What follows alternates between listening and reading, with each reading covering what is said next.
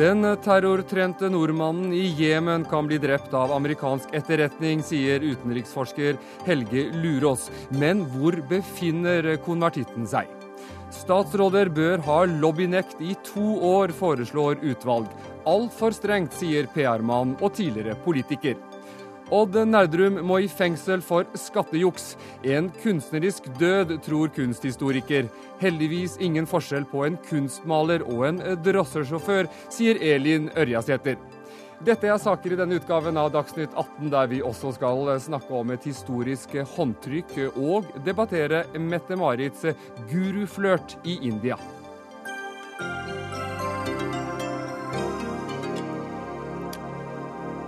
Ja, velkommen til eh, Dagsnytt 18. Jeg heter eh, Erik eh, Aasheim. Aller først så skal vi til en melding som akkurat har kommet inn om en stygg fallskjermulykke som skal ha rammet ekstremsport-VK på Voss. Ulykken skjedde i Eidfjorden i Hordaland. Og Arild Tvilde, du er sikkerhetskoordinator ved Ekstremsport-VK. Hva vet du om ulykken? Jeg kan bekrefte at det har vært en fallskjermulykke i Simodalen mens de holdt på med det som de kaller for fjellflyging med skjerm. Så Som diverse medier har sagt at det er basehopp eller vingedrakt, det stemmer ikke. Det stemmer ikke. Eh, hovedredningssentralen på, på Sola de, de, sier nå til Bergens Tidende at de ikke kan bekrefte at, at eh, vedkommende er omkommet, eh, men at det ikke ser bra ut. Hva mer vet du om dette? Omfanget av ulykka den kan jeg ikke uttale meg om ennå. Vi holder på å samle inn informasjon. Hvordan skjedde den ulykken? Som sagt, det var fjellflyging. Eh, det er det jeg vet på dette tidspunktet. Mm. Og det har også vært flere uh, ulykker i dag uh, under Ekstremsportveko. Hva kan du fortelle om det? Det har vært tre hendelser. ja. Det var den fallskjermulykka. Og så har det vært en hendelse med paraglider og en hendelse med hengglider.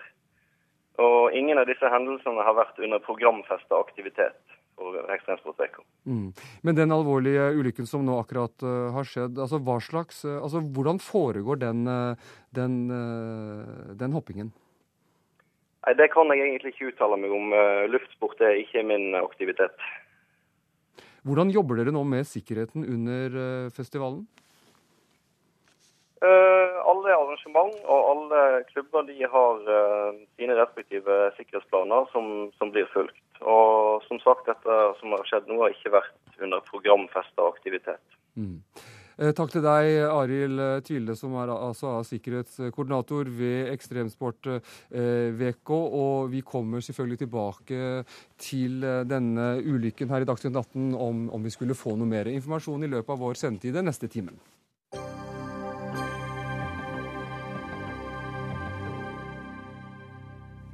Og nå skal vi til eh, nordmannen som eh, skal ha fått eh, terrortrening av Al Qaida i Jemen. Han har i flere år vært i søkelyset til Politiets sikkerhetstjeneste. Men hvor er han, og hvor mye vet myndighetene om hvor klar han, han eventuelt skal være for å utføre terrorangrep? Og, og Helge Lurås, du er leder ved Senter for internasjonal og strategisk analyse, og du har også tidligere jobbet for E-tjenesten. Hvor god, god kontroll tror du, tror du PST og E-tjenesten har på denne mannen? Det er vanskelig å si, men jeg tror vel det er ganske vanskelig for PST eller E-tjenesten å ha kontroll på en nordmann som befinner seg i Jemen i, i, utgangspunktet. Det kan jo kanskje være noen andre som har en viss oversikt over hvor han er, men hvis vi ser på hvordan amerikanerne generelt opererer i Jemen, så er ikke etterretningen, eh, eller i hvert fall tilstedeværelsen deres på bakken, veldig god. De opererer jo veldig mye med droner. Så det er nok ganske mye upresisjon i, i det man vet, og relativt generelle opplysninger. Mm, men, vil jeg tro. Men, men siden da informasjonen om denne nordmannen har kommet ut, så er det vel grunn til å tro at, at PST vet ganske mye om han? Ja, altså, jeg tror det er mange ting ved denne saken vi, vi fortsatt ikke vet. og det er det er for så vidt en litt uvanlig sak, måten det har kommet fram i mediene på, og for så vidt også hvordan det har blitt omtalt fra disse etterretningskildene som er. Så jeg føler meg ikke helt sikker på om vi ennå har den fulle og hele eh, historien rundt det. Men eh, ut fra hvordan de selv har snakket, så tyder det på at de har kjent til denne personen over ganske lang tid. Mm. Men det at informasjonen kommer ut på denne måten, altså tre europeiske etterretningstjenester som har, som har bekreftet denne, denne historien, vi vet ikke hvem disse etterretningstjenestene er. Eh, men kan det være en, en, en, en, en bevisst lekkasje? At PST kan ha interesse av dette? Ja, Nå vet vi ikke om det er PST som er utgangspunktet for, for lekkasjen, eller Nei. om det er noen andre tjenester, men at det kan ha vært en bevisst agenda bak, ja, det kan det eh, være. Og de agendaene kan jo være så mangt. Eh, men det kan jo selvfølgelig også være en, en glipp fra en av tjenestene. Mm men det, det, er mange muligheter her. Mm. Men hvis det er en bevisst, bevisst lekkasje, hvilke, altså, du sier flere agendaer kan ligge bak. altså Hva, hva kan teoriene være? Ja, så En av teoriene er at man uh, vet om denne personen og frykter for så vidt hva han kan være uh, i stand til å gjøre, og at de uh, hva skal jeg si, for å nøytralisere personen også nærmest da blåser hans identitet for å nærmest fryse han fast. En annen mulighet er jo at de si, kommer ut med disse opplysningene for å se da gjennom annen overvåkning hvordan dette oppfattes i, i de miljøene, i disse Al Qaida-miljøene i Jemen, for kanskje å mm. kartlegge det ytterligere. Og så er det noen andre muligheter som jeg ikke har lyst til å spekulere i. Eh, Kjetil eh, Stormark, du er journalist og, og, forfatter. Eh, tror du dette er en, en bevisst lekkasje? Igjen, det er umulig å spekulere i. Eh, bare for å si det veldig tydelig. Jeg tror ikke PST er kilden her. Mm. Det tror jeg ikke PST eh, tør eh, innenfor en norsk kontekst å lekke en sånn enkeltsak. Eh, det tror jeg neppe de ville fått lov til heller. Men eh, det kan godt være at det er et spill som andre aktører eh, sitter hovedsetet på. Men dersom dette er en uautorisert lekkasje, så er det noen ganske intense sjokkbølger i dette etterretningssamfunnet hvis det er tre, hvis det er riktig som Associated Press skriver, at det er tre uavhengige etterretningstjenester som hver for seg bekrefter denne saken. Det er på en måte et diskusjonsbrudd som er i strid med de på en måte uttalte og uuttalte reglene for deling av informasjon, som kan få ganske store konsekvenser det slags type Konsekvenser? Altså, det er helt avgjørende at man har tillit i informasjonsdelingen i forhold til å kunne dele informasjon for å kunne forebygge terrorangrep. Og hvis dette her eh, er på en måte en sak som er i ferd med å komme ut av kontroll, eller som har kommet ut av kontroll, hvor det lekkasjene er uautoriserte, så kan det føre til en mistillit som øker risikoen for terrorangrep i Europa. Og Det er den alvorlige siden ved dette. Mm. For, men altså det, altså det, er jo som sagt lovlig for nordmann å være på treningsleir i Jemen, selv om det er Al Qaida som, som, er eh, skolemesteren, for å si det sånn. Er det Ja, men det er ulovlig å inngå terrorforbund etter norsk ja. lov. og, mm. og ut, hvis han er på treningsleir og inngår i en plan om å gjennomføre et terrorangrep, og det skjer i samhandling med andre, mm. så kan han straffeforfølges etter norsk lov så lenge han er norsk borger. Så han kunne egentlig vært eh, pågrepet nå? Ja, men det er vel litt krevende å se for seg at det skal skje i Jemen. Uh, uansett hvem som eventuelt skulle se for seg å gjøre det. Uh, her er det mange forskjellige teorier man kan se for seg. Men, men å få offentlighet rundt en sånn sak Eh, som dette, hvis det er styrt, så er det i beste fall å spille hasard med, eh, med muligheten til å følge bevegelsene over tid. Da spiller man høyt, altså. Det mm. gjør man virkelig. Hva tror du eh, E-tjenesten og PST altså, På hvilken måte jobber de nå, tror du? Altså, jeg tror E-tjenesten er mer interessante i så måte og har forstått mer muligheter til å følge med på hva nordmenn foretar seg i utlandet. PSTs jobb slutter ved de norske grensene. Eh, på sett og vis i forhold til å, følge med på om det er trusselbildet i forhold til eh, norsk jord.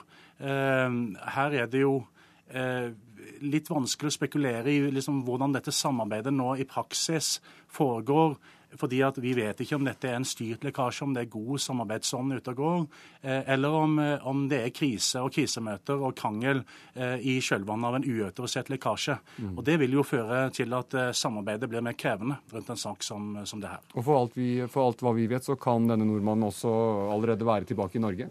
Altså, Jeg mener jo at denne saken, om ikke noe annet, så viser den at den naiviteten som Direktoratet for samfunnssikkerhet og beredskap la for eh, dagen i mai, eh, hvor de mente at det var mer sannsynlig med et, og større risiko fra et vulkanutbrudd enn et nytt terrorangrep i Norge, at den iallfall kan legges til side. Dette viser med all mulig tydelighet at Eh, vi står overfor en ny tid i Norge og i Europa i forhold til at òg Norge eh, må på en måte legge til grunn at dette er et reelt trusselbilde. Mm. Og som PST, så vidt jeg vet, bruker så mye tid på at de har nesten bare enkeltsaksfokus om dagen. Og det er jo en utfordring i forhold til å faktisk greie å analysere nye tips som kommer inn, fordi at enkeltsakene spiser opp nesten all kapasiteten. Helge Lurås, eh, amerikanerne de er ikke nådige mot uh, Al Qaida-medlemmer. Uh, de anser som en trussel. Hva tror du amerikanerne kan gjøre med nordmannen dersom de frykter at han planlegger et terrorangrep? Hvis de frykter det, og, det særlig hvis de selv er da målet for det, så har jo de vist tidligere at de vil kunne likvidere ham Eh, men han kan jo selvfølgelig, hvis han befinner seg i en treningsleir i Jemen, så er han jo utsatt eh, bare ved å bli assosiert med de andre som er der. Så, men det er helt klart at det, det, er ikke noe det er ikke noe trygt sted å oppholde seg å være i en treningsleir i Jemen med tanke på det apparatet amerikanerne og det fokuset amerikanerne har på Jemen i øyeblikket. Vil norsk etterretning eventuelt bli involvert i eh, hva skal vi si, denne type planer, hvis amerikanerne tenker i denne retningen? Nei, det tror jeg ikke de vil bli. Også, det vil nok amerikanerne i så fall også gjøre av hensyn til, eh, til de norske tjenestene selv. fordi at den type likvidasjoner er jo ikke noe som, eh, som er eh, mulig i henhold til norske lover og norske standarder. Mm. Og, men også ut fra operasjonell sikkerhet så tviler jeg vel på om amerikanerne vil varsle noen andre i det hele tatt om, om en sånn type operasjon. Men det, det, kommer, det kommer an på hvem som egentlig eier denne saken. Det, det, trenger ikke å være norske tjenester som eier denne saken primært, selv om, eh, selv om det er en nordmann involvert. Mm. Og det er ikke nødvendigvis samarbeid heller mellom de ulike tjenestene i, i ulike land? Nei, det, nei, ikke mellom alle land. Men det er klart Norge har jo tett samarbeid med amerikansk-britisk eh, etterretning. Men det går ikke nødvendigvis på fulle detaljer i alle saker. Det gjør det ikke. Mm. Kommentator i VG, Anders Giæver. Hvilken, eh, hvilken, utfordring gir det for etter, etterretningstjenestene at det er eh, en av våre egne som plutselig vender seg mot oss? Det er vel det spesielle med, med, hele det norske terrorbildet det siste året. At vi hadde altså 22.07, som var et terrorangrep fra en person fullstendig under radaren. Og at dette også er en person som da nok ikke har vært under radaren, men som i hvert fall eh, Hvis han da har en norsk etnisk og kulturell bakgrunn, så kommer han altså fra et annet miljø enn det man er vant til å se på når man leter etter, eh, etter mulige radikaliserte eh, folk som er villige, villige, til å bruke terror. Og det er klart at det, det gjør jo det gjør det jo enda vanskeligere å skulle følge med utviklingen av radikalisering blant. Blant eh, folk i Norge. I dagens uh, VG så spør du om uh, hva som får unge menn i verdens påstått beste land til å, til å søke mot terror. Hva er svaret på ditt eget spørsmål? Ja, Det svaret har jeg ikke.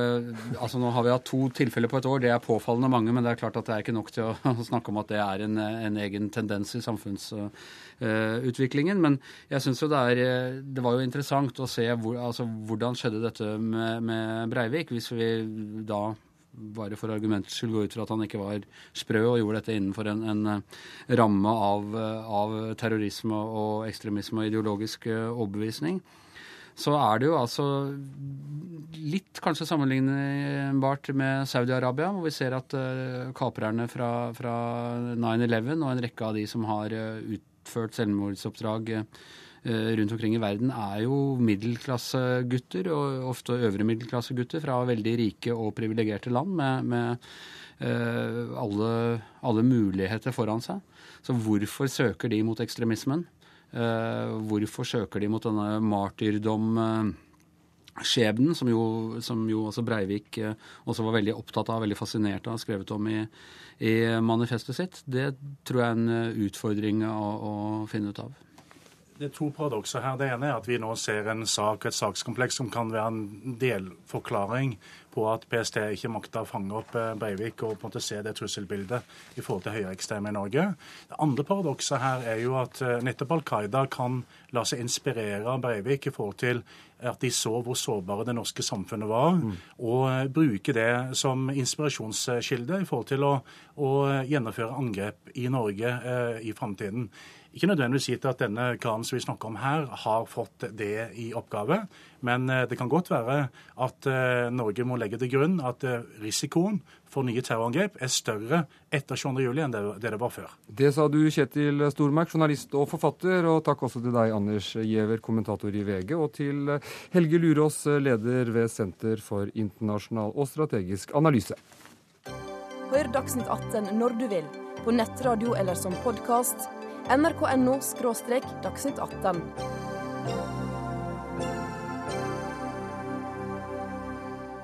Det bør bli strengere regler for lobbyvirksomhet eh, når det gjelder statsråder og topper i embetsverket. Det mener det regjeringsoppnevnte eh, såkalte karanteneevalueringsutvalget. I dag la utvalget fram sin rapport, og professor i offentlig rett eh, ved Universitetet i Oslo, Inge Lorang Bakker, det er du som har ledet dette utvalget. Dere foreslår bl.a. at det skal være to års forbud mot, mot lobbyvirksomhet for statsråder. Og hvorfor det? Det er riktig at det er et av forslagene som utvalget legger frem. Men la meg først eh, nevne at eh, vi har fått i oppgave å evaluere regelverket om eh, karantene med videre, som gjelder overgang fra stillinger som politiker mm. eller statstjenestemann i regjeringsapparatet mm. til stillinger utenfor, grovt sett. Og da er det altså i måte, det ekstre, mest ekstreme forslaget, eller det i hvert fall mest hva skal vi si, strengeste forslaget, det er altså opptil to års ventetid, som dere kaller det. Ikke karantene, men ventetid for en statsråd. Eh, nå snakker vi da om de reglene som foreslås for eh, politikeres overgang til stillinger utenfor statsforvaltningen. Ja. Og da er det ett av forslagene er at eh, det som utgangspunkt eh, skal være utelukket å drive lobbyvirksomhet i to år for statsråder og i ett år for eh, statssekretærer, eh, politiske rådgivere og toppembetsmenn. Eh, dette er et forslag som et flertall i utvalget står bak. Og Dere bruker begreper som altså, ventetid, eh, men også et annet begrep som, eh, som saksforbud. Hva, hva, hva, er forskjellen her? Ja, Det er tre forskjellige virkemidler som det er snakk om. Det ene er ventetid. I dag kalles det gjerne karantene. Det innebærer at du må vente med å tiltre en ny stilling utenfor og forslaget er der at det skal være opptil seks måneders ventetid, som må bestemmes i det enkelte tilfellet, avhengig av hvilken stilling eh, det er snakk om. Mm. Saksforbud vil ikke hindre politikeren i å tiltre en stilling, men det gjør at politikeren i den nye stillingen må la være å befatte seg med visse typer saker. Og igjen, det må bestemmes konkret, avhengig av hvor politikeren kommer fra, og eh, hvilken stilling eh, det er snakk om. Og det som skal bestemme det, er et uavhengig utvalg. Vi det, foreslår å kalle det eh, Ventetidsutvalget det svarer til det som i dag er karanteneutvalget. Ja, Det er altså mye, mye styr og mye jobb her for, for, en politiker å klare å bytte jobb nå, Jan Erik Faane. Du, du, er jo tidligere eh, politiker selv. Nå er du partner i kommunikasjonsbyrået eh, Kreab Gavin Anderson. Eh, og Du er jo tilhenger av et regelverk, men dette syns du er for strengt?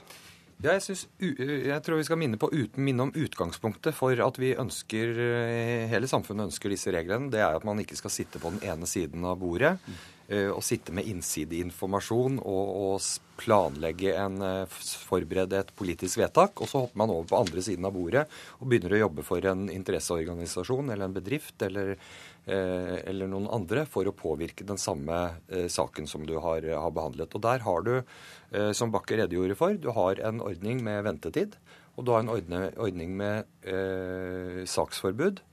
Og hva et forbud mot uh, lobby, uh, lobbying i tillegg i to år utover det skal, skal ha å tjene, det ser jeg ikke helt. fordi Men hvorfor praksis, er det for strengt? Altså, Hva er konsekvensene her? Altså, konsekvensene vil eh, for vår bransje være bortimot ingenting. Fordi Eh, fordi vi jobber oss ikke på, på, den måten. Den baserer seg på en veldig sånn gammeldags eh, oppfatning av hvordan eh, PR- og informasjonsrådgivere faktisk eh, jobber. Mm. Eh, vi er ikke leiesoldater som løper ned gangene på Stortinget og godsnakker med gamle, gamle kollegaer og, og venner. Eh, det er det ene. Det andre er jo at konsekvensen av dette er jo at f.eks. Børge Brende ikke kunne begynt i i Røde Kors, men ventet, måtte vente i to år før han begynte i Røde Kors. Anne Inger Landstein måtte ventet to år før hun kunne begynt å jobbe for eh, luftambulansen. Og Lars Bonheim måtte ventet i to år med å bli styreleder i Norsk, eh, Norsk Tipping. Det er faktisk konsekvensen av, av, forslaget, fordi man kan ikke ha en sånn eh, stilling uten at man har direkte, direkte, kontakt med politikere og prøver å påvirke rammebetingelsene. Ja, Er dette konsekvensene, eh, Snorre Valen? Du er stortingsrepresentant for SV. Nei, jeg mener at dette først og fremst gjelder, eh, gjelder jobber der man eh, arbeider i et selskap som har som formål å påvirke politikere på vegne av andre kunder. Eh, og jeg tror ikke reglene helt har hengt med på utviklinga i Norge. Jeg tror mange har tenkt at lobbyvirksomhet og, og, store penger der, det er noe som finnes i USA og ikke i Norge. Men i mange andre land så har man jo mye strengere regler enn i Norge, og det er nettopp fordi eh, man må hindre uryddige forhold. Og jeg mener at det, det kanskje groveste eksempelet i nyere tid det er jo Bjarne Håkon Hansen, som satt i regjering og arbeida med endringer i barnehageloven, og så jobba for å påvirke, eh, påvirke, motsatt retning etterpå. mm. First House. Sånne ting må vi komme til livs. Og det er ikke bare, altså Én ting er habilitetsspørsmål og ryddighet, og sånne ting, men en annen ting er at det oppstår en sånn stand med politikere som hopper mellom politikk, lobbyvirksomhet og journalistikk og tilbake igjen. Og det er ikke heldig. Hvorfor for det, ikke? Nei, for det gjør noe med måten vi oppfatter verden på. ikke sant? Jeg er en ung og veldig privilegert person som sitter på Stortinget og opparbeider meg masse kompetanse og erfaring. Det er veldig dumt hvis alle som er som meg, havner enten i et PR-byrå eh, eller kommunikasjonsbransjen etterpå, i andedammen i Oslo. Og du mener det, altså, det er altså for lett å, å, ta overgangen fra politikken til, til lobby, lobbyistenes uh, ja, verden, altså? Ja, og jeg spør meg sjøl hva Så poenget ditt er at det er viktig at det blir vanskeligere, slik at det blir mindre attraktivt? Jeg mener det, og jeg spør meg sjøl hva, uh, hva Fåne mener med at dette er for strenge forslag, hvis han samtidig mener at det ikke vil ha store konsekvenser for bransjen. For det er helt riktig. Det, dette er nærmest et arbeidsforbud, det som, eh, det som Valen ja, jeg, altså, kommer med her. Snorre Valen jeg kjenner ikke han veldig godt, men jeg har en veldig positiv oppfatning av, av han som en dyktig og drivende flink kar. Jeg syns det er veldig synd hvis ikke Naturvernforbundet f.eks kunne tilby han en, en bruke hans kompetanse som generalsekretær. Ja, men det er ikke det vi snakker om. Ja, men, jo, men, jo, jo, jo, det er det. Det er ikke det vi snakker om nå. Altså, det, det vi snakker om nå, er kommunikasjonsbyrået. Men la oss holde nå til, til, til nei, kommunikasjonsbyråene, for det er det som er hovedpoenget her eh, til, eh, til nei, utvalget. Det, nei, det er ikke det som er utgangspunktet til utvalget. Det tror jeg Bakker kan, la oss høre med Bakker kan redegjøre for, for jeg har lest den. En ting er kommunikasjonsbyråer eh, og drive lobbyvirksomhet, men, men det gjelder også f.eks. hvis du skal over i advokatvirksomhet og, og den type jobber, hvor du kan få klienter hvor det kan være et, eh, et, eh, et, eh, et problem i forhold til hvem du har samarbeidet med tidligere. Det er riktig at hovedregelen om at du ikke skal drive lobbyvirksomhet, det gjelder uavhengig av hvilken stilling eller hvilken bransje mm. du er i. Når det er sagt, så ser vel flertallet noe større betenkeligheter der hvor lobbyvirksomheten skjer på grunnlag av forskjellige klienter. Så å si at man kan hoppe fra den ene til den andre, og hvor det ikke er klart eh, så å si fra starten av hvem man kommer til å representere. Men Ville det, eh, ville det f.eks. gjelde Børge Brende at han ikke kunne jobbet i, i, i Røde Kors?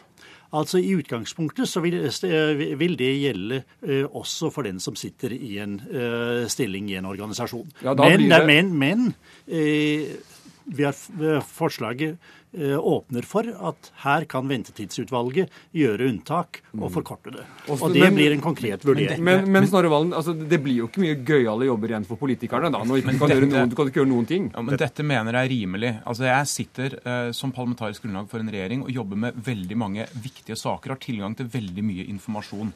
Selvfølgelig er det sånn at vi må ha et ryddig forhold til hvordan jeg skal kunne bruke den informasjonen seinere. Om det så er hvis jeg går til en jobb i Zero eller Naturvernforbundet eller et advokatfirma. Det mener jeg bare er rett og rimelig. Mm. Det er ikke sånn at den eneste tingen politikere kan holde på med etter de har sittet på Stortinget eller regjering, mm. er å, å er å drive med lobbyarbeid. Så må vi også huske at det er en økonomisk dimensjon i det her. Hvis stadig flere politikere går til kommunikasjonsbransjen og bruker sin kompetanse på den måten etter de er ferdig, så bidrar man også til et system der det er lommebok som bestemmer hvor stor påvirkning du har på politikken, og ikke, og ikke demokratiske, vanlige spilleregler. Og Derfor har vi f.eks. hvert halvår et lobbykurs som er gratis på Stortinget, som SV arrangerer for alle de som ikke har råd til å leie Gelmuden Kise. Få ned helt til slutt.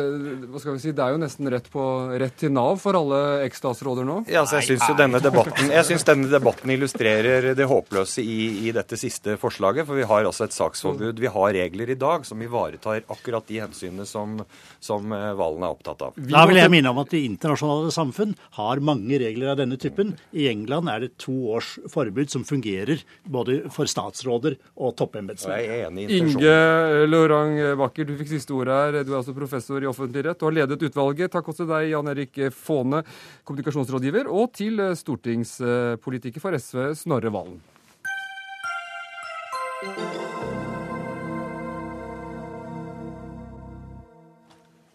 Kunstmaleren eh, Odd Nerdrum er i dag eh, dømt til eh, fengsel i to år og ti måneder for skatteunndragelse. Bakgrunnen er at han har solgt kunst for 14 millioner kroner i utlandet uten å ha ført inntekten opp i selvangivelsen. Og Paul Grøtvedt, du er kunsthistoriker og billedkunstner. Hvorfor synes du at denne dommen er så forferdelig? Ja, Det er jo forferdelig for enhver å bli bura inne så lenge. Ja. Eh, hvorvidt det er like forferdelig for Odd Nerdrum, det kan vi jo diskutere etter hvert. Men eh, det som er mitt problem, er jo i hvilken grad dommen er rettferdig. At det er en riktig dom. Og ettersom jeg forstår, eh, etter å ha lest det i mediene, så er jo hans advokat, altså forsvareren, han mener at det er en helt feil dom, og at den sannsynligvis nå blir anket videre. Men hva frykter du vil skje med Nerdrum og hans eh, kunstneriske virksomhet dersom han må sone over to år i fengsel? Ja, det tror jeg blir en katastrofe, både økonomisk og kunstnerisk. Jeg tror han kommer til å slukne helt i de årene i fengselet. Og da kommer han jo ut som et, eh, nærmest som et kunstnerisk vrak. Så det er helt eh, ødeleggende for eh, denne typen kunstner, da.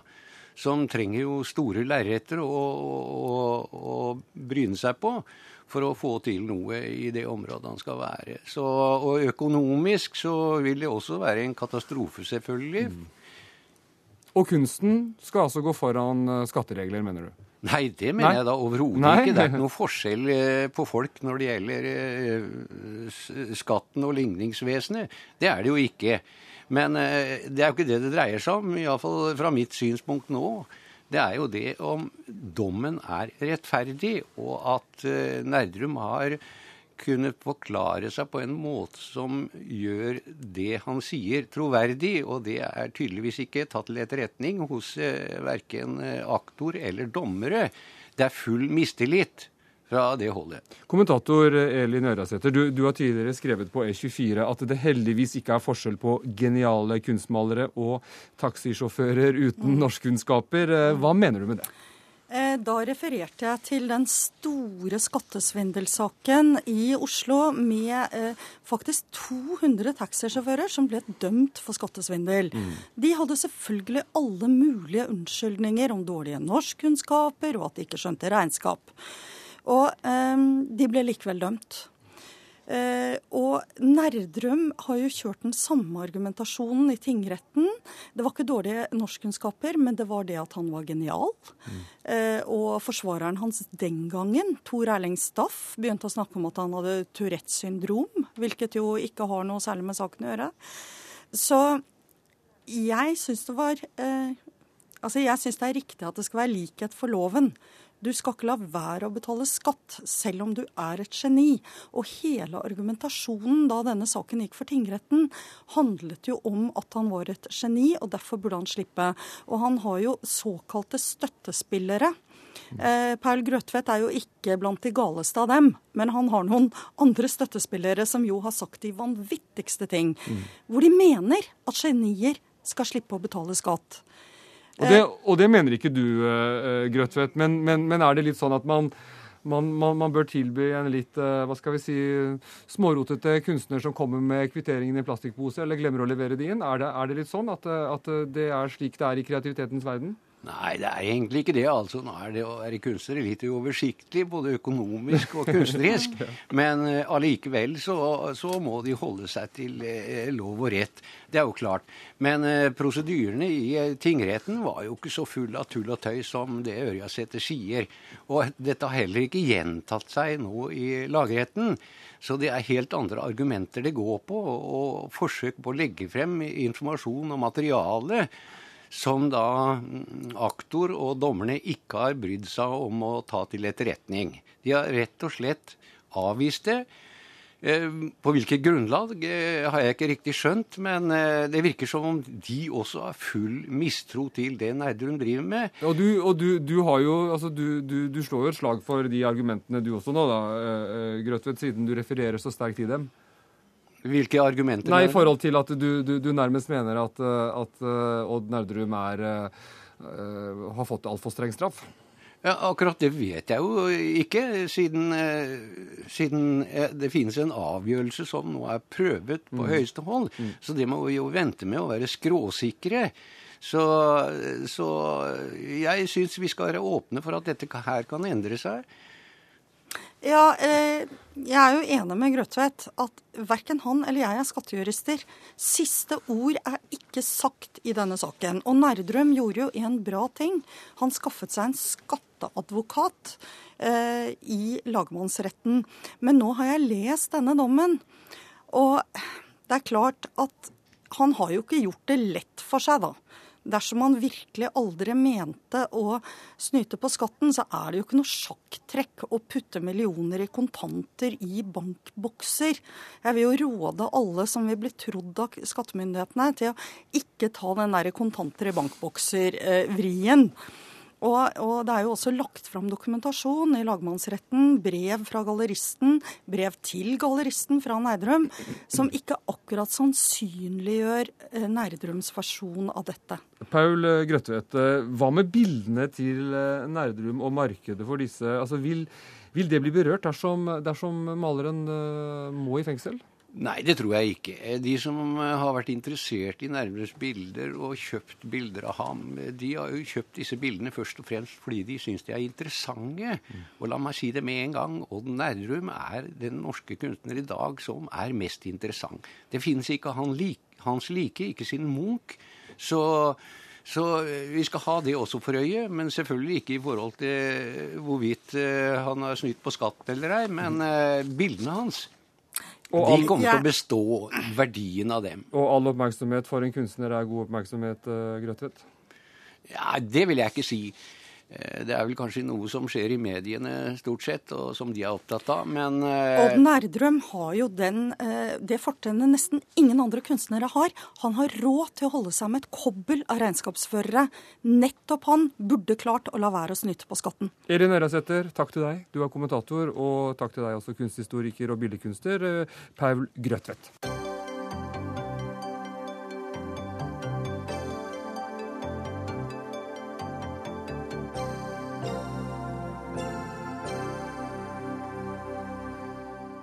Anders Behring Breiviks eh, handlinger fratar ham retten til å delta i den offentlige debatt. Det mener generalsekretær i Norsk Presseforbund, Per Edgar Kokkvold. Til Klassekampen så sa han i går at eh, sitat Anders Behring Breivik har ingen rett til ytringsfrihet.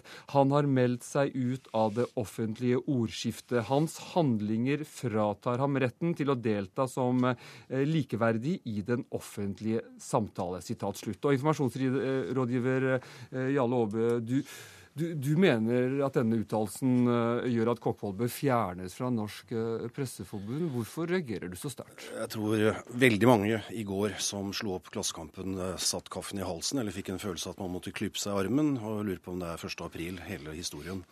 Kokkvold har sagt noe mer enn dette. Han har også sagt at massemordere ikke kan påberope seg ytringsfriheten.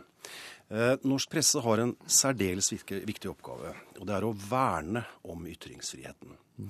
Og for de som går gjennom Vær varsom-plakaten, eh, så står det ikke noe unntak der at eh, jo, de skal verne om ytringsfriheten, bortsett fra Det er altså et absolutt krav at pressen skal verne om. Og nå har vi altså denne absurde situasjonen at Norsk Presseforbund ved generalsekretæren har på eget initiativ, uten noe debatt og ingenting, bare kommet opp med et unntak, nemlig massemordere. Og da er jo spørsmålet hva er en massemorder? Og Skal vi stole på Wikipedia, så er da en massemorder det er et menneske som tar livet av flere enn to i samme operasjon. Generalsekretær i Norsk Presseforbund, Per Edgar Kokkvold, du har jo tidligere omtalt deg selv som en eh, ytringsfrihetsfundamentalist. Eh, gjelder ikke ytringsfriheten for alle? Jo, eh, den gjelder for alle. Men den gjelder bare i begrenset grad for, for massemordere. Hvorfor det? Nå må ikke Jarle Aabe glemme at det allerede finnes en rekke restriksjoner knytta til, til uh, Anders Behring Breivik uh, når det gjelder ytringsrett. Uh, på mange måter er dette en fullstendig teoretisk, hypotetisk debatt. Han, uansett hva som skjer med Breivik nå, om han havner i det han kaller galehus, altså Eh, blir eh, pålagt tvungen psykisk helsevern, eller han havner i fengsel, så, så, vil det eksistere en rekke restriksjoner som ikke pressen har noe med, men som samfunnet har innført. Og Jeg står naturligvis fast på at en som har erklært krig mot alle som ikke deler hans verdensanskuelse, og proklamert at han har rett til å likvidere alle han oppfatter som meningsmotstandere, han kan ikke delta som likeverdig medlem i den, i den siviliserte offentlige eh, debatt. Jeg har ikke sagt at Breivik må strupes, jeg har ikke engang sagt at han må knebles. Og naturligvis har også han sin ytringsrett, begrensede ytringsrett. Eh, han kan naturligvis ytre seg både om soningsforhold, og han kan, eh, som han helt sikkert kommer til å gjøre, han kan klage over at han ikke får den pleie han fortjener som eh, ridderjustitiarius. Men det Jarle Aabe sier er jo bare usselt pjatt, som jeg tar med knusende ro. Og heldigvis så er det ikke Jarle Aabe som verken ansetter eller avsetter ledere i norske presseorganisasjoner, hvilket både pressen og allmennheten skal være glad for. Nei, altså jeg ansetter ikke og avsetter ikke, men jeg har da forhåpentligvis rett til å ytre meg om en generalsekretær i Norsk Presseforbund. Men det er pjatt det du kommer med, hører du her. Ussel ja, pjatt. Men det, det, faller jo på sin egen urimelighet. Eh, han har tidligere sagt, denne generalsekretæren, at det sier jeg er latterlig. Men poenget er um, nå sier jo Kokkvold da at jo da, Breivik skal allikevel få lov å ytre seg om enkelte ting. Så da er det jo ikke en absolutt eh, hinder for at han kan ytre seg. Så da har vi i hvert fall fått flyttet saken noe fremover. Mm. Jeg er veldig bekymra for å ha en generalsekretær som altså eh, grupper mennesker og sier at massemordere skal ikke få lov å ytre seg. Ja, for det er jo det, altså, det, er jo det du har sagt, uh, Kokkvold. Nei, jeg sier altså kriminelle Eh, kan naturligvis ytre seg. Mennesker som har drept, kan også ytre seg. Mm. Som i affekt har drept eh, medmennesker. Men det er noe, faktisk noe annet, selv om eh, Jarle Aabø ikke eh, skjønner dette. At, en, en menneske, at, et menneske som har erklært krig mot alle som ikke deler hans verdensanskuelse, det er noe helt spesielt. Og eh, han har ikke, han har meldt seg ut av den offentlige uh, samtale, og det mener jeg ikke kan være så vanskelig. Ja, Breivik har ekskludert seg selv uh, og Aabø fra å delta i den offentlige debatten. Det er det han sier her, at det er forskjell på folk også. Nei, altså det, er jo, det, er jo, generalsekretæren i Norsk Presseforbund som har stengt uh, en gruppe massemordere, som han kaller det, ute fra enhver mulighet til å ytre seg. Du, eh, Vi skal videre her til, eh, til deg, eh, kultur- og debattredaktør i Aftenposten, Knut Olav Åmås. For Geir Lippestad han har jo sagt at Breivik vil bruke pennen som våpen fremover. og Hva ville du gjort hvis du hadde fått en kronikk signert Breivik i, i postkassa til Aftenposten? Det er en hypotetisk situasjon. Da må vi lese den og vurdere den. Og det er en problematisk og spesiell situasjon. For jeg er enig med Kokkvold Anders Behring Breivik er ingen eh, hvem som helst likeverdig samfunnsdebattant. Han er en massemorder. Han har aktivt prøvd å ødelegge dette samfunnet og menneskene i det. Og sant å si er nok eh, altså Det er en viss tendens til å gjøre han til offer her. Det virkelige offer i denne saken. Og de som for evig og alltid er blitt berøvet sin ytringsfrihet, det er faktisk de 77 menneskene som er blitt drept, og de 100 der eller 1000 der som ikke lenger orker å ytre seg. Så det er det som er det største problemet. Jeg står nok nærmere Kokkvold i, det han sier her. Jeg er sjøl ytringsfrihetsfundamentalist.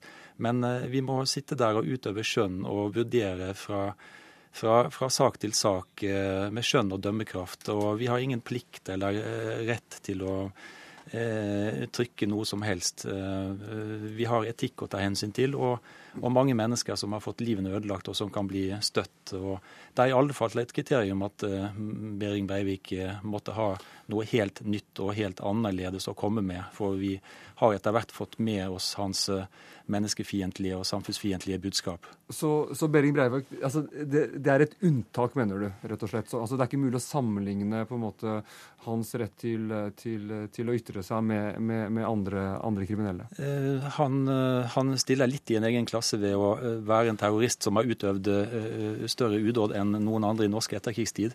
I ja, for det gjør han jo også, ja. ikke sant? Altså, det er du, jo. Altså, det, jo, jo, altså, for all del er vi enig i det som sies her nå. men det altså, som er, du, du, er, du, du, mener ikke at, at, at, at Breivik skal bli en fast uh, kronikkskribent i Aftenposten? Jeg snakker egentlig ikke om, om denne mannen i, i, den forstand. Jeg snakker om det prinsippet som nå Korsvold tydeligvis har lyst til å putte inn. og Det som er forunderlig, da, det er hvorfor er Kokkvold så opptatt av dette? Han som tidligere har forsvart ytringsfriheten så det virkelig har stått etter. Mm. Han har vært så hard på sine argumenter at han har til og med fått motbør av sine egne medlemmer. Og eh, hva som skyldes hans dreining, tror jeg har noe med at eh, hvis man på en måte ikke klarer å balansere det prinsipielle overfor det emosjonelle, så går det lett galt. Ja, Er det er det, det du har gjort, Kokkvold? Nei, jeg tror Åge kommer til å oppleve at jeg fortsatt kommer til å gjøre nettopp det. Forsvare annerledes tenkende, dissentere, opprørere. Eh, enten de befinner seg til høyre eller til venstre. Også Anders Behring Breivik før han ble massemorder. Eh, en massemorder som dreper for å bli hørt. Han er, står i en helt spesiell stilling. Vi må kunne klare å skille mellom rett og galt. Ytringsfrihet er fundamentalt. Ytringsfrihet er den viktigste av alle menneskerettigheter. Og naturligvis må han, når han nå soner, enten på den ene eller den andre måte, så må han også oppleve eh, eh, frihetsberøvelse. Vi, vi, vi, må slippe til Knut Olav Åmås her. Som jeg sier, det, det, blir litt en hypotetisk situasjon dette også. Man må vurdere fra, fra tekst til tekst. Det, det, jeg vil ikke være fundamentalist og, og, si eh, ja eller nei i utgangspunktet. Men i veldig mye av det Behring Breivik mener og sier og skriver hittil, så ligger det direkte voldsoppfordringer, og det ligger massivt hat. Og det skal vi ikke ha i offentligheten under noen omstendighet. Eh, så det vi har sett hittil eh, Eh, gjør at det, det, er grunn til å tro at, eh, at, han eh, ikke har så mye å komme med. Og du får jo stadig kronikker fra, fra, fra innsatte i, i, norske fengsler som har lyst til å ytre seg? Ja, ja og vi, og vi trykker, kommer de på trykk også, vi trykker kriminelle og, og, drapsmenn og andre, og de kommer på trykk hvis de har unike unike ting å si som ikke kan komme fram på andre måter. Men uh, hittil tror jeg vi har sett og lest og hørt det meste Anders Behring Breivik har å fortelle det norske samfunnet. For der er du enig, Åbø? Vi, vi, vi er blitt Vi har fått vite det vi trenger å vite om han? Ja, så Jeg er opptatt av det prinsipielle. Og jeg mener at vi kan ikke ha en generalsekretær som skal hindre ytringsfrihet. Det har du fått sagt. Vi sier takk til dere, vi, eh, som eh, var med i denne debatten. Jarle Aabø, informasjonsrådgiver, Knut Olav Åmås, eh, kultur- og debattredaktør i Aftenposten. Og til deg, Per Edgar Kokkvold, generalsekretær i Norsk Presseforbund, på en telefonlinje fra de svenske skoger. Og vi har akkurat nå fått vite at politiet bekrefter at mannen som, som krasjet i en fjellvegg under Ekstremsportveko på Voss tidligere i kveld døde eh, som følge av denne ulykken. Fallskjermhopperen skal ha hoppet med en gruppe og dannet formasjoner like før ulykken skjedde. Og Det jobbes nå med å få mannen ned fra eh, fjellet, og det blir mer om denne saken i Dagsnytt eh, klokka 19.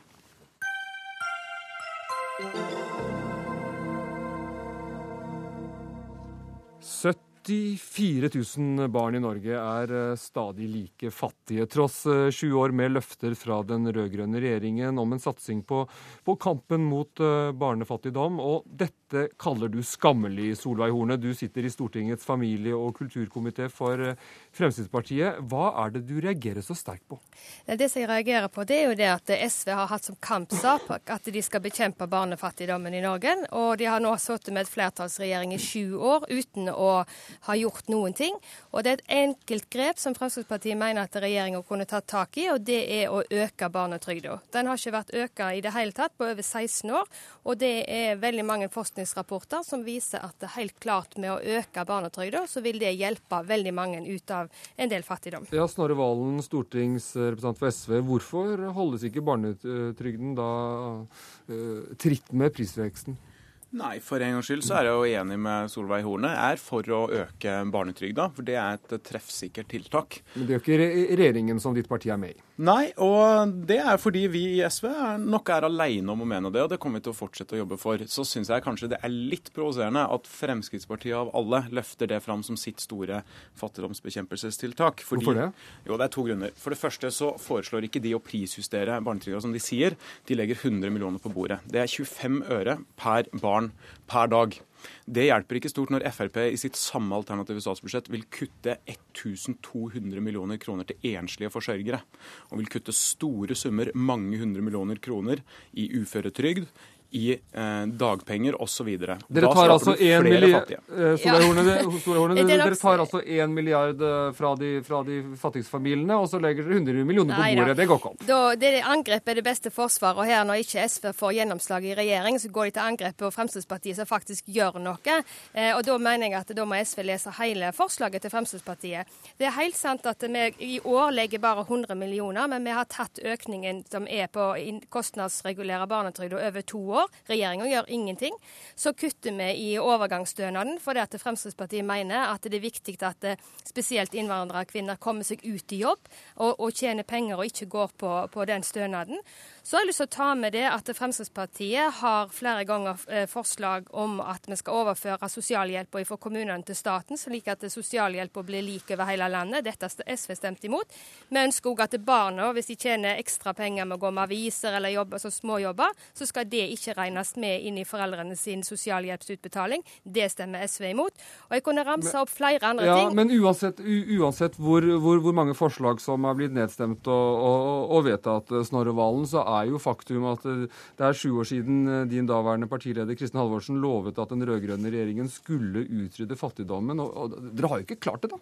Nei, det er en debatt jeg går inn i med stor grad av ydmykhet. Og så må jeg justere bildet litt. For det første er det en mindre andel av barna som lever i fattigdom i dag enn for sju år siden. Og vi er det eneste landet i Europa som har redusert forskjellene mellom fattig og rik de siste åra. Det er unikt, og det har vi gjort fordi de rike nå betaler mer skatt andre betaler mindre. Vi har økt minsteytelsen i trygdesystemet osv. Og, og så er det mye mer som gjenstår. Men Fremskrittspartiet sin politikk er jo en oppskrift på mer fattigdom. Der kutter man i, eh, altså, kutter man i støtten til de aller svakeste menneskene. Der kutter man i norskopplæringa til de innvandrerfamiliene der ikke alle er i jobb. Der kutter man de målrettede programmene vi har innført mot innvandrerkvinner for å få det i arbeid, osv. Fremskrittspartiet driver bare synd. symbolpolitikk. De finansierer skatteletter til de rikeste i landet ved å kutte f.eks. 1 1,2 milliarder kroner i støtten til enslige forsørgere. Du begynte debatten veldig bra og så var ydmyk og si det at Fremskrittspartiet hadde rett. Og hvis dere heller kunne brukt mye av den energien Jeg sa ikke at dere hadde rett, jeg sa at dere hadde ett godt forslag, men som ja, ikke er nok. Til å brukt mye av den energien på å faktisk kjempe innad i regjering for å få øke barnetrygda, når flere forskningsrapporter viser at akkurat barnetrygda er den som er treffsikker.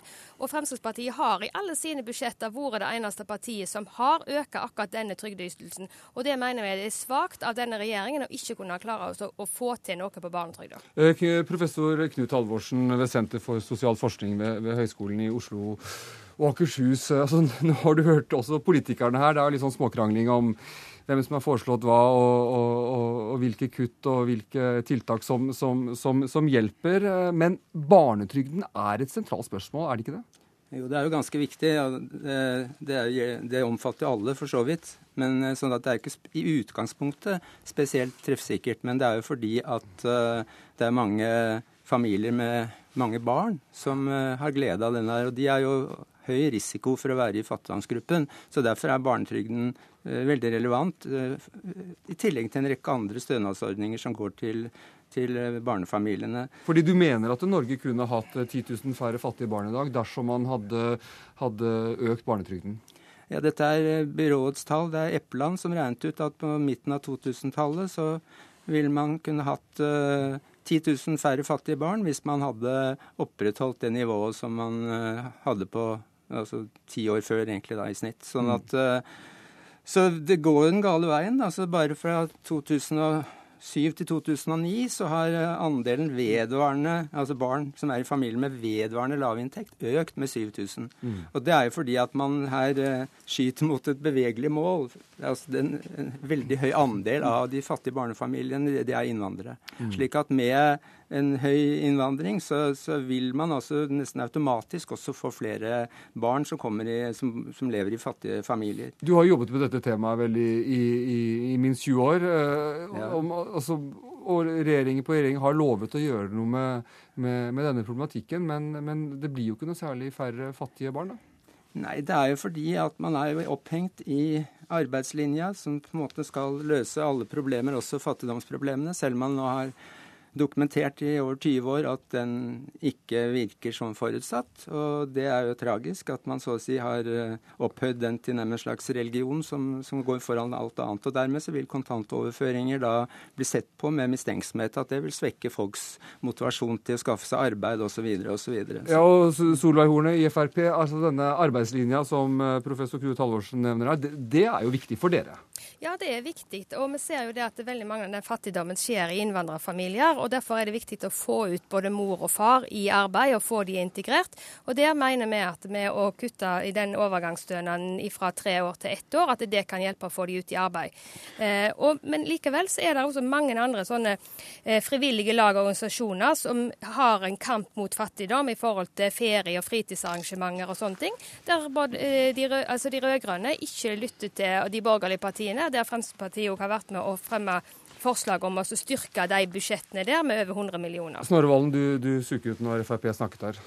Ja, altså Halvorsen er inne på noe veldig viktig her, og det at en stor grad av disse familiene er innvandrerfamilier. Det hjelper ikke for fattigdomsbekjempelse overfor de å kutte i norskopplæring, kutte i, i tiltak for å få flere innvandrerkvinner ut i arbeid, kutte i overgangsstønad og kutte i andre ordninger, sånn som Fremskrittspartiet vil. Fattigdom, Mer fattigdom bekjemper ikke fattigdom. Når vil du ha klart å overtale din egen regjering til å, til å øke barnetrygden? Snorre Valen? For å si det sånn, Jo høyere oppslutning SV får i neste valg, jo større mulighet er det for at vi får økt barnetrygda. For det mener jeg er et godt tiltak, men da må vi øke den så mye som trengs, og ikke med symbolpenger fra Fremskrittspartiet, mens man kutter hos de aller fattigste. Ja, men da kan det bare begynne en plass og prøve å få til å øke den barnetrygda òg. Og så lenge dere har vært i regjering, så har dere ikke løfta en finger for oss å øke barnetrygda.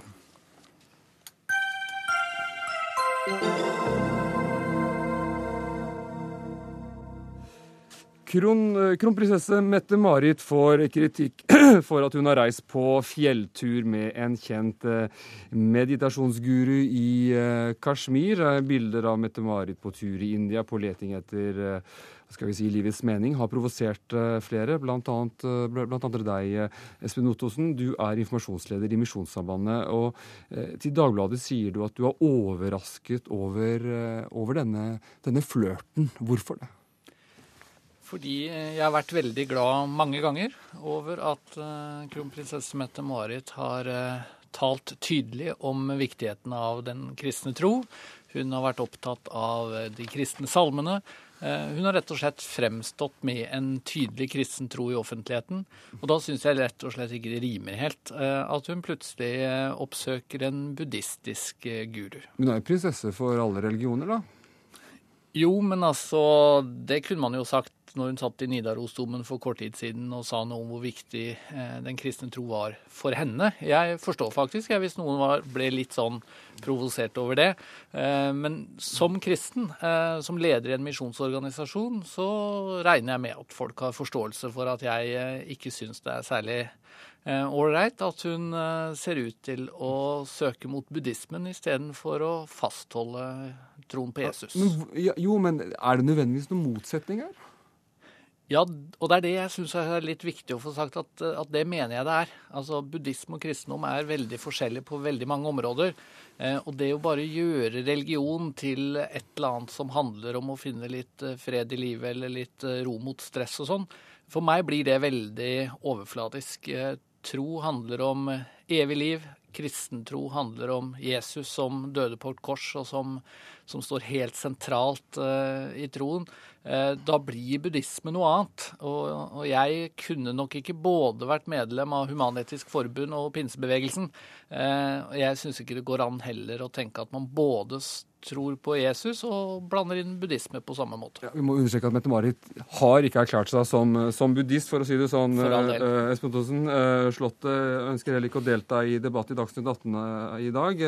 Anne Kalvik, du er førsteamanuensis i religionsvitenskap ved Universitetet i Stavanger. Hvordan reagerer du på Mette-Marits Indiatur?